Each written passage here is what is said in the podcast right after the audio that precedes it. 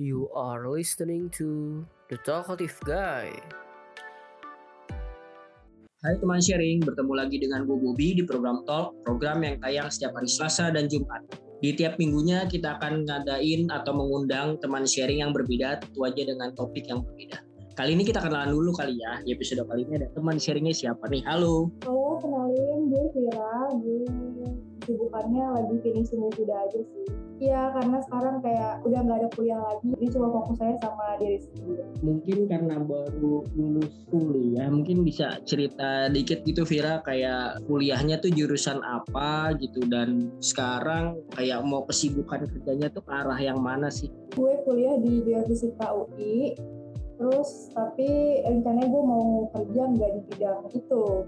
Gue pengen kerja di bidang kayak ke arah industri mungkin atau kayak sosial media bisnis, copywriter. Hmm, oke okay, menarik. Nah ini kan tadi kalau misalkan geofisika berarti SMA-nya IPA lo ya? Iya, iya benar SMA IPA.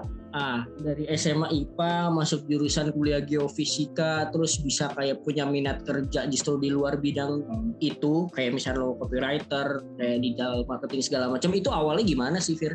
Sebenarnya tuh dari kecil emang gue seneng banget nulis. Ya dulu hmm. pas dari kecil kayak suka nulis puisi cerpen tapi cuma di blog pribadi aja. Nah terus karena sering diledekin teman-teman ya anak-anak kecil diledekin gitu kan kayak malu. Akhirnya passion gue mati lah di situ gitu. Terus ini nggak kenapa nggak nyambung sama kuliah gue? Karena sebenarnya kuliah gue itu hmm. kayak apa ya bukan tuntut orang tua sih tapi lebih ke gue tuh orangnya pengen uh, ngebanggain orang tua gitu. Nah, ini salah satu uh, tekad gue. Mungkin okay. kalau orang tua gue nggak tahu passion gue di nulis atau di seni dan lain-lain, gue tunjukin nih kayak, oh Vira bisa loh kuliah di UI kayak kakak-kakaknya, wisuda di sana dan lain-lain. Cuma uh, ya sih namanya anak kuliah, uh, ketemu teman-teman, sharing dan lain-lain. Ya gue akhirnya nyemplungnya di passion gue lagi, di passion gue lagi gitu. Yang udah lama mati jadi bangkit lagi gitu. Soalnya uh, pertama kali jadi maba, gue tuh alhamdulillahnya dipercaya jadi deputi humas dan multimedia terus di himpunan gue gitu. Jadi kayak oh apa yang um apa yang mati hmm. tuh bangkit lagi di gue karena pengalaman gue alhamdulillahnya banyak di itu gitu. Oh oke okay, oke. Okay. Jadi walaupun jurusan kuliahnya nyenengin orang tua pengen pembuktian tapi dari segi himpunan segala macam masih bisa ngasah passionnya gitu ya. Benar, benar, benar. Uh, Oke, okay. tapi dengan kayak jurusan kuliah ya mau nggak mau kan tetap harus ada nilai, iya, belajar iya, segala iya. macam. Sempat mengalami pressure tersendiri gak sih pada saat menjalani jurusan yang bisa dibilang ya, jadi yang penting lulus bagian orang tua karena di kampusnya yang emang ya siapa yang nggak mau kuliah di situ gitu kan? Iya, Itu sempat iya. ngalamin kayak gitu gak? Enggak, jadi waktu awal-awal maba, ya namanya anak IPA gitu, apalagi jurusan gue tuh jurusan kebumian, gue bener-bener nggak hmm. belajar uh, peminatan geografi atau lain-lain gitu lah kebumian gitu pokoknya gue nggak belajar. Itu pressure buat gue kayak awalnya down uh, nilai jelek segala macam tapi akhirnya gue bisa buktiin ternyata uh, meskipun passion gue nggak di sini uh, tapi gue emang harus bertanggung jawab itu sih ya. Kenapa akhirnya gue bisa hmm. lulus di sini gitu Hmm, oke okay. berarti faktor kedewasaan kali ya itu dewasa dalam berpikir gitu. Iya mungkin mungkin. oke, okay, nah ini kalau ngomongin soal pandemi ya Vira ya. Selama pandemi apa sih yang berubah dari dalam diri Vira nih? Mungkin dari kegiatan, hmm. pemikiran atau apa gitu? Yang paling berdampak di masa pandemi gue ini ada kapan sama orang tua dan cara berpikir gue sih. Eh, hmm. Uh, karena uh, waktu sebelum pandemi kan gue nih sibuk kuliah, nyokap bokap gue sibuk kerja dan lain-lain. Jadi nggak punya waktu tuh buat di rumah nggak ada interaksi sama sekali. Nah gara-gara di pandemi gue bener-bener jadi kayak punya interaksi sama mereka gitu. Terus gue yang tadinya sibuk kuliah terus kayak ngematiin passion gue yang lama gue jadi akhirnya oh, gue harus uh, ningkatin skill gue nih gitu. Apa sih yang gue bisa sebenarnya? Gitu. Mm. Kayak misalnya tadi gitu gue sebenarnya bisa nulis tapi kenapa gue nggak coba untuk tampilkan lagi hmm oke okay, oke okay. ya sih kalau misalkan emang kedekatan dengan keluarga kayaknya banyak yang berefek seperti itu ya saking yeah. dekatnya dan sering ketemu tiap hari kadang-kadang ada sesekali kayak cekcok atau beda beda pendapat gitu yang tadinya jarang ngobrol yeah, gitu yeah, kan. Yeah, pasti ya. Oke, nah kalau ngomongin orang tua lagi gitu kan, orang tua Vira tuh mendidik Vira seperti apa sih dan pesan apa yang paling diingat dari orang tua? Mereka tuh sama kayak gue, gue tuh orangnya sulit mengekspresikan diri gitu kan. Kayaknya orang tua gue juga kayak gitu, soalnya mereka tuh hebat banget untuk uh, nutupin kesedihan yang mereka punya. Ini jujur kalau gue cerita tentang keluarga gue kayak nggak bisa kalau nggak nangis. Tapi kita harus ini ya. Harus kuat. Nggak apa-apa nangis kan bentuk emosi oh, iya, juga. Ya normal lah. Jadi orang tua gue itu uh, mendidik anak-anaknya tuh biar jadi pribadi yang mandiri. Terus nggak pernah nyusahin gitu. Nggak pernah nyusahin orang lain nggak boleh. Terus mereka tuh juga nggak pernah nuntut gue. Tadi kan meskipun gue harus kuliah di UI dan lain-lain tapi mereka tuh juga nggak pernah nuntut gue. Akhirnya harus kuliah di UI gini gini gini. Nggak pernah. Oh. nggak. Pernah.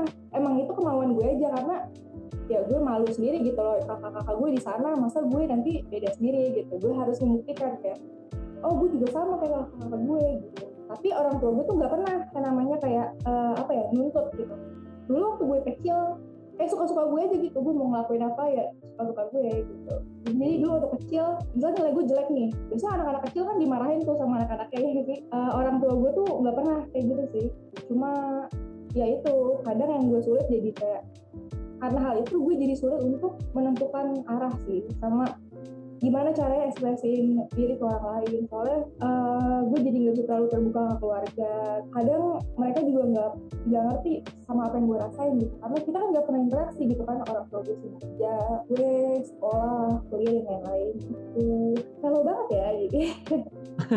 Nggak apa-apa jadi kayak secara pribadi orang tua gue tuh kayak ngajarin gue bukan dari lisan mereka tapi dia perbuatan gitu.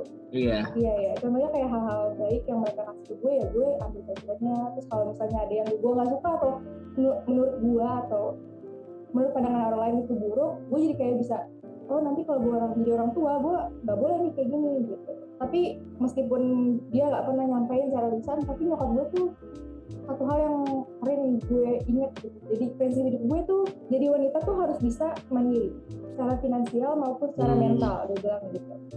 Jangan ngegantungin okay. apa pun sama orang lain.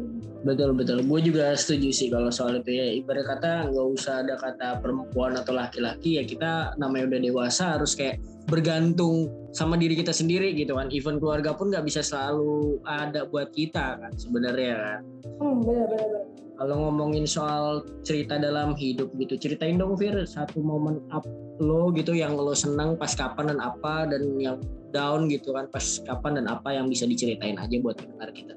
Momen up gue tuh pertama kali gue dipercaya sama sekolah. Buat uh, ngeharumin nama sekolah itu di teater. Jadi kayak gue gue passion gue akhirnya kepake juga nih gitu. Terus itu akhirnya kepake juga di masa kuliah gue itu sih momen senang gue jadi kayak apa ya lo tuh gak harus menutup apa yang lo suka jadi gitu jadi kayak akhirnya gue punya peluang dan kesempatan yang membuka gue oh ternyata gue orangnya kayak gini loh.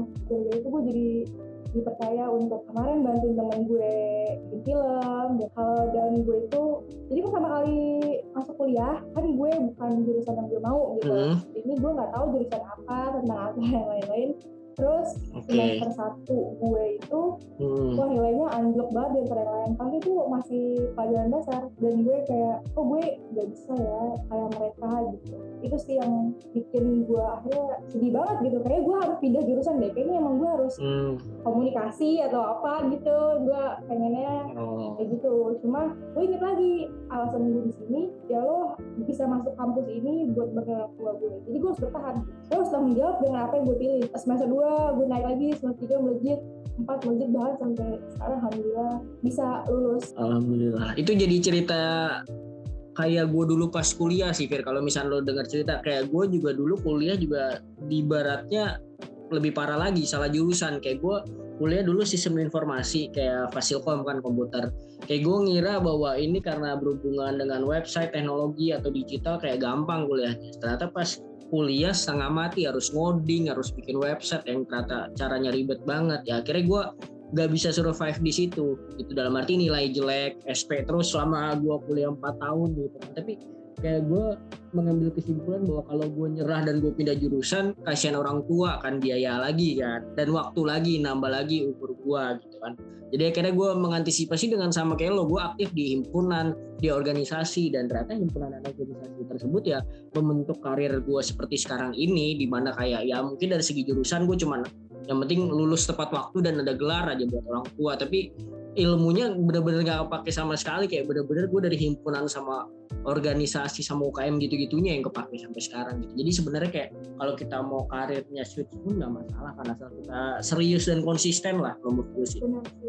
Gue setuju kita harus tanggung jawab. Betul, kuncinya itu tanggung jawab. Nah, ketika tadi lo mengalami down gitu, lo tipikal yang kayak gimana sih ketika lo lagi ngalamin suatu momen down atau sedih gitu? Gimana caranya buat bangkit? Karena kan tiap orang kan pasti beda-beda dan nggak bisa langsung begitu aja termotivasi dong. ya benar jadi gue kalau lagi down itu gue benar-benar ini gue penting soalnya gue ngerasain uh, tentang kesehatan mental jadi uh, pertama kali gue down gue wah gue kayak bukan jadi orang yang berharga deh Hmm. gue sempat mikir kayak gitu terus kayak wah gue kayaknya kenapa sih gue salah milih jurusan? Padahal gue bukan di sini sampai gue kayak oh Tuhan gak adil lah gitu lah. Terus tapi gue tadi pokoknya apa pun yang gue lakuin gue harus tanggung jawab. Kenapa gue bisa kuat itu mereka sih. Hmm, oke faktor orang tua itu sendiri ya, tapi tetap dalam arti punya motivasi dalam diri ya, kayak misalkan yang tadi lo bilang itu ya. iya benar. Gue punya motivasi dalam diri gue sendiri dan, itu kuncinya ya mereka Nah, kalau di umuran lo yang sekarang, biasanya kan anak muda punya insecure yang beda-beda dan uh, fasenya tuh ada gitu kan ngalamin insecure. Nah, kalau lo sekarang di umur yang sekarang insecure soal apa, Bir? gue lebih ke pencapaian pencapaian yang gue punya dan orang lain gue dulu tuh tipe orang yang insecure banget entah itu pencapaian gue punya atau ya standar kecantikan atau finansial dan lain-lain itu gue bener-bener kayak eh gue insecure banget cuma gue inget uh, pesan dari ada seseorang dia ngomong gitu dia tuh gak usah insecure dengan semuanya gitu karena semua orang posisinya tuh beda-beda. Untuk lo bisa mengatasi insecure lo itu adalah lo harus bisa sayang sama diri lo sendiri. Kalau lo nggak kayak gitu lo ya udah bakal kayak lo harus tetap berbandingin sama orang lain. Jadi kalau sekarang gue kalau tanya insecure apa pencapaian dengan orang lain tapi kayak gue kalau gue nggak dapet gitu kayak ya udah gitu gue ya udah aja karena gue tahu orang punya Hmm. porsinya sendiri gue nggak harus kayak mereka biar bisa diterima orang lain Iya, betul. Standar sukses juga tiap orang beda-beda dan masanya juga beda-beda kan ya. benar benar benar. Lo cerita gitu kan di lain kayak misalkan lo orang yang ngerasa susah mengekspresikan diri gitu kan sebelumnya. Nah, pernah ngerasa jadi pressure tersendiri gak sih? Jadi kayak beban tersendiri terus jadi mumet sendiri gitu. gue pernah ngerasa terbebani ya akan hal itu sih. Karena jadi apa ya jadi sulit sendiri buat tahu gue tuh kenapa gitu. Oke. Eh, jadi gue harus pergi ke psikolog. Gitu gitu orang tua gue nggak tahu dan gue sendiri ke sana. Cara buat gue nyampein gue kenapa tuh susah. Nah ini caranya nih kalau gue meskipun gue ada beban tadi gue sebenarnya udah tahu apa yang harus gue lakuin. Hmm. itu orang kayak gitu. Jadi meskipun gue sedih gue apa gue ini gue tahu gue harus ngapain. Yang gue bersyukurnya diri gue kayak gitu. Itu juga karena orang-orang sekeliling gue sih. Ketika lo lingkungan pertemanan deh kita bahas. Ketika di pertemanan lo ketika sedang gak mood atau kayak lagi males ngobrol segala macam kayak jadi beban pikiran diri sendiri tuh sebenarnya terlihat gak sih? Pertem- apa teman-teman lo tuh pada nyadar apa enggak sih? Kalau yang nggak kenal sih nggak dekat gitu ya. Nggak sadar. Dia taunya ya gue seneng aja atau kalau gue apa nggak pernah diperhatiin gitu. bukan nggak pernah perhatiin sih kayak mereka kayak oh ya udahlah kira emang nggak kenapa-napa gitu loh tapi kalau yang udah tahu sifat gue tuh kayak gimana si wajah dan yang lain tuh biasanya mereka kayak langsung nanya gitu lo kenapa.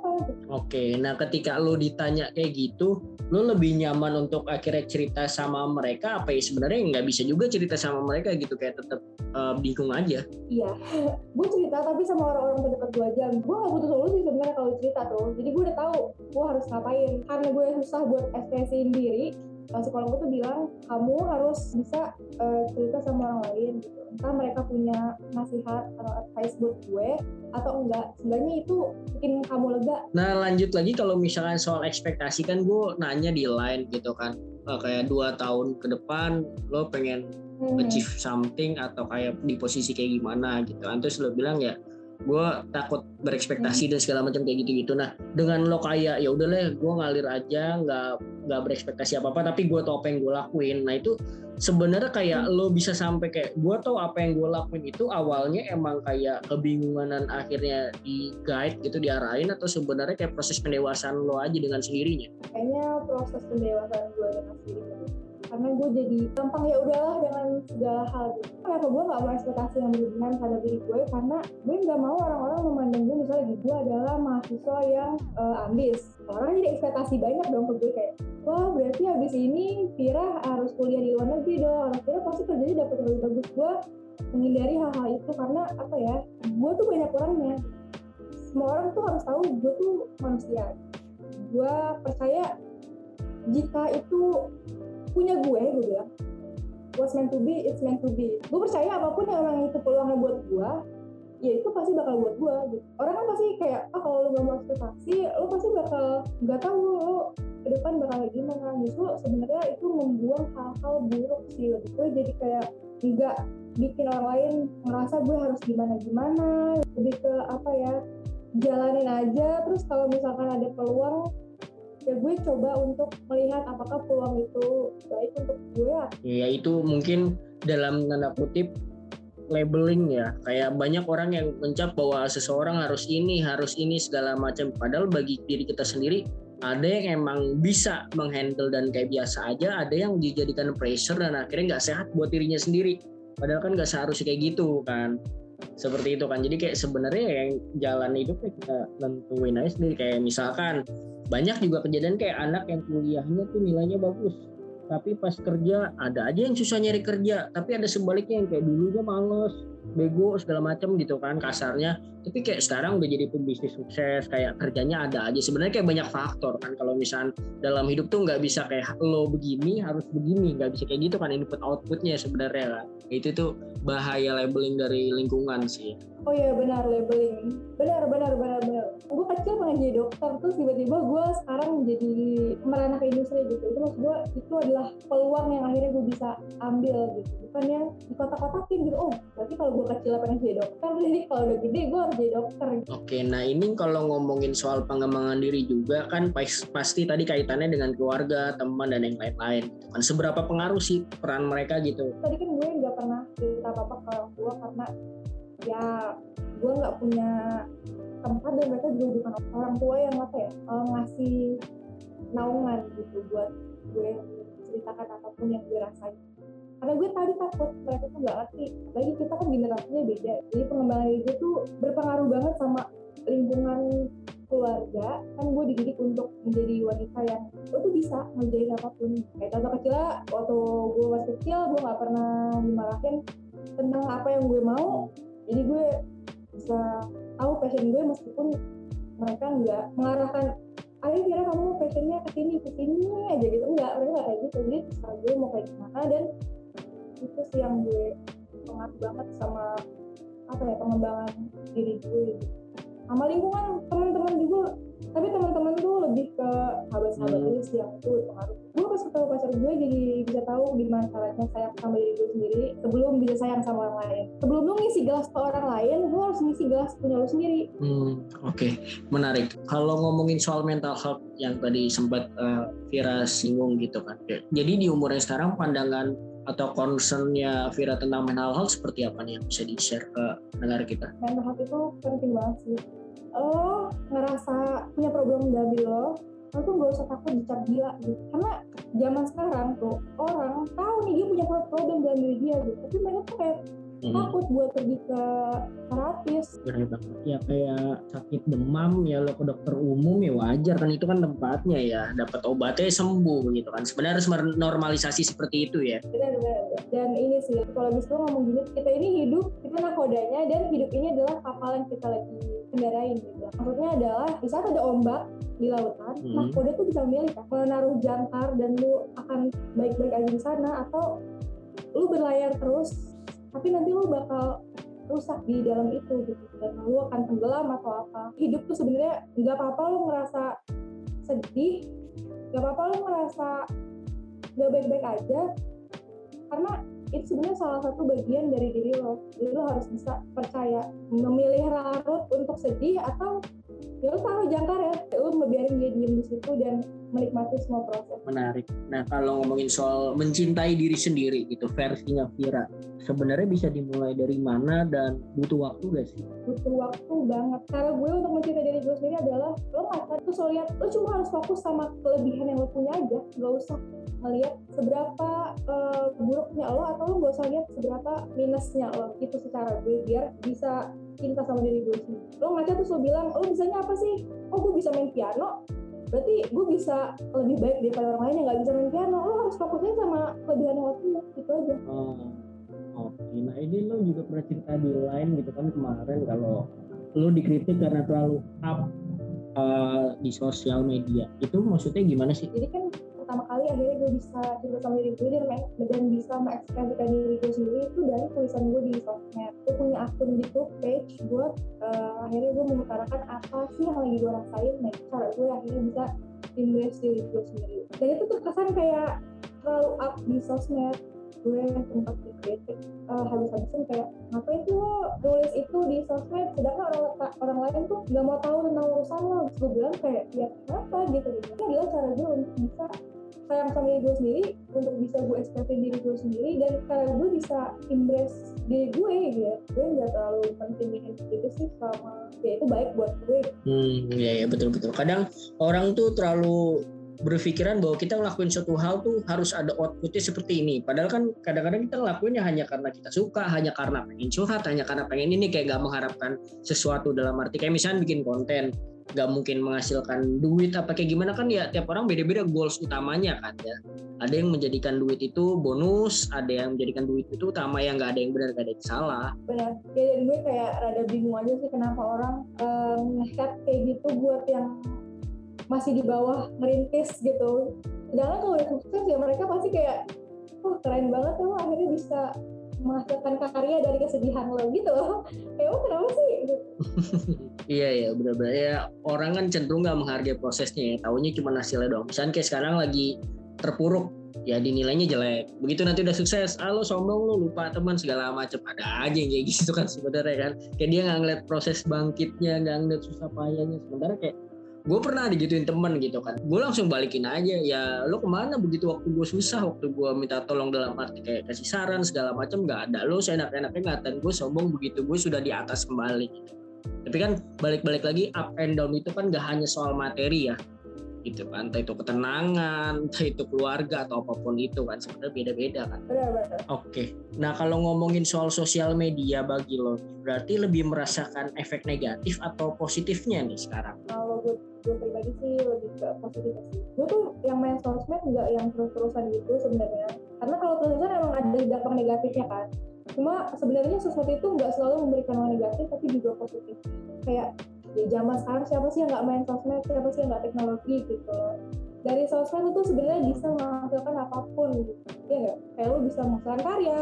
Iya. kalau bisa menghasilkan koneksi dengan orang-orang yang yang lo nggak tahu siapa gitu atau ya lebih baiknya lagi lo bisa menghasilkan money dari situ sosmed kalau lo tahu gimana cara menggunakannya itu akan jadi positif buat lo Nah berarti kan kalau lo Instagram kan tadi kan lo udah kayak punya karya untuk menelu- menelurkan tulisan-tulisan lo lah gitu. Nah kalau misalnya di TikTok nih lebih kayak gimana? kalau dari itu sih kayak ya itu asal-asalan aja sih Oh tapi nggak ada kayak kepikiran bahwa maksudnya kalau di TikTok gue ya oke emang ya iseng-iseng aja tapi yang kayak fashion kayak emang apa ada yang topik-topik tertentu kayak gitu. pengen pengen sekarang makanya alhamdulillah gitu kalau itu gue jadi punya pikiran oh gue kayak nggak bisa nih main TikTok cuma nggak jelas gitu loh cuma mengisi kegabutan gue doang gitu. Jadi harus gue upayakan gitu loh. Tadi gue bilang ini peluang gue gitu. Jadi gue kayak bikin konten tentang uh, fashion karena gue lagi suka di bidang itu.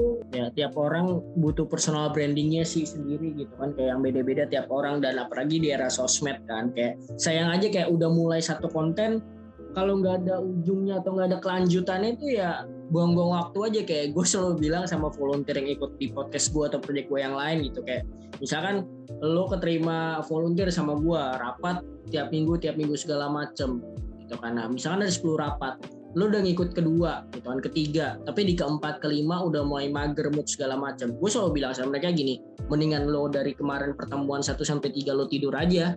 Ngapain lo buang waktu buat sesuatu yang akhirnya nggak lo selesaiin gitu kan gue gue selalu bilang kayak gitu dalam arti kayak ya mungkin bagi beberapa orang ada yang terlihat berlebihan apa kayak gimana kayak tapi gue melihat bahwa kalau kita disiplin dan konsisten itu kayak mau bidang apa pun lo berkarir atau berkarya pasti bisa aja gak sih nanti suatu saat kayak lo dapet titik suksesnya gitu. Benar benar. Ya benar ya. Selesaiin apa yang lo mulai lah. Ini kasih tips dong buat pendengar kita nih Fir kayak gimana caranya gitu atau mulai dari mana sih biar kita biar bisa embrace yourself? untuk kalian agar bisa embrace diri kalian tuh lo tuh harus bisa tahu di mana kelebihan lo dan lo fokus aja sama hal itu lo nggak usah mentingin omongan orang lain nanti lo bakal tahu uh, tujuan lo ke mana dan insya Allah lo bakal sukses Amin, amin. Menarik, menarik. Dan itu gue juga sangat setuju sih karena semua orang kayaknya mau sukses tapi nggak semua orang yang mau ngelakuin dan kayak bener-bener berjuang ya ngelakuin itu walaupun dia udah suka gitu kan. benar benar benar jadi lo harus ambil peluang yang ada dalam diri lo. Ya betul. Karena memang ada dua sisi gitu kan. Kayak orang berpikiran bahwa kesempatan nggak datang dua kali. Tapi kadang ada juga orang berpikir kesempatan itu bisa jadi datang kedua kali ketiga kali atau segala macam. Kayak kalau kita fulfill bener-bener ngelakuin to the best to the max gitu segala macam kayak ambil aja kesempatan pertama gitu kan daripada kita nyanyi-nyanyiin lagi gitu kan. Benar ya kan oke. Nah ini yang terakhir nih menutup obrolan kita kayak gue pengen tahu what next lo selama dua atau tiga tahun lagi apa nih yang pengen dicapai siapa tahu jadi dua dua baik. Semoga gue ke depannya menjadi orang yang lebih baik lagi dari yang sekarang. Dan gue tuh nggak muluk-muluk kalau ditanya gue tiga tahun atau dua tahun ke depan bakal jadi apa. Ya semoga gue bisa meneruskan apa yang sedang gue jalanin sekarang Hmm, oke berarti lebih kepada industri kreatif ya ditekunin lagi ya selama tiga tahun ke depan. iya iya iya iya Oh, oke entah itu nanti kerja di kantoran atau jadi konten kreator segala macam ya kita usaha dulu ya penting kalau Vira kayak gitu berarti. benar benar Ah oke nah ini dipromot dulu dong Vir Instagram lo kalau TikTok kalau boleh juga di dipromot gitu terus kayak karya-karya lo biar pendengar kita tahu. Oh teman-teman semua jangan lupa ya follow Instagram Vira MSC pakai F terus TikToknya juga Mm-mm. lihat aja di bio-nya jangan lupa follow yang buat sering dengerin kata-kata galau gitu follow senandung kata A-nya juga Oke, jadi eh, terima kasih sekali lagi Vir udah mampir di podcast gua. Semoga sukses selalu. amin Semoga nanti kita bisa collab di konten-konten yang lainnya atau bisa ngobrol-ngobrol nanti kan setelah keadaan pandemi membaik. oke Jadi thank you guys yang udah dengerin episode kali ini. Sampai ketemu minggu depan. Bye bye. Don't forget to follow us on YouTube, Spotify, and Instagram at the Talkative Guy underscore ID.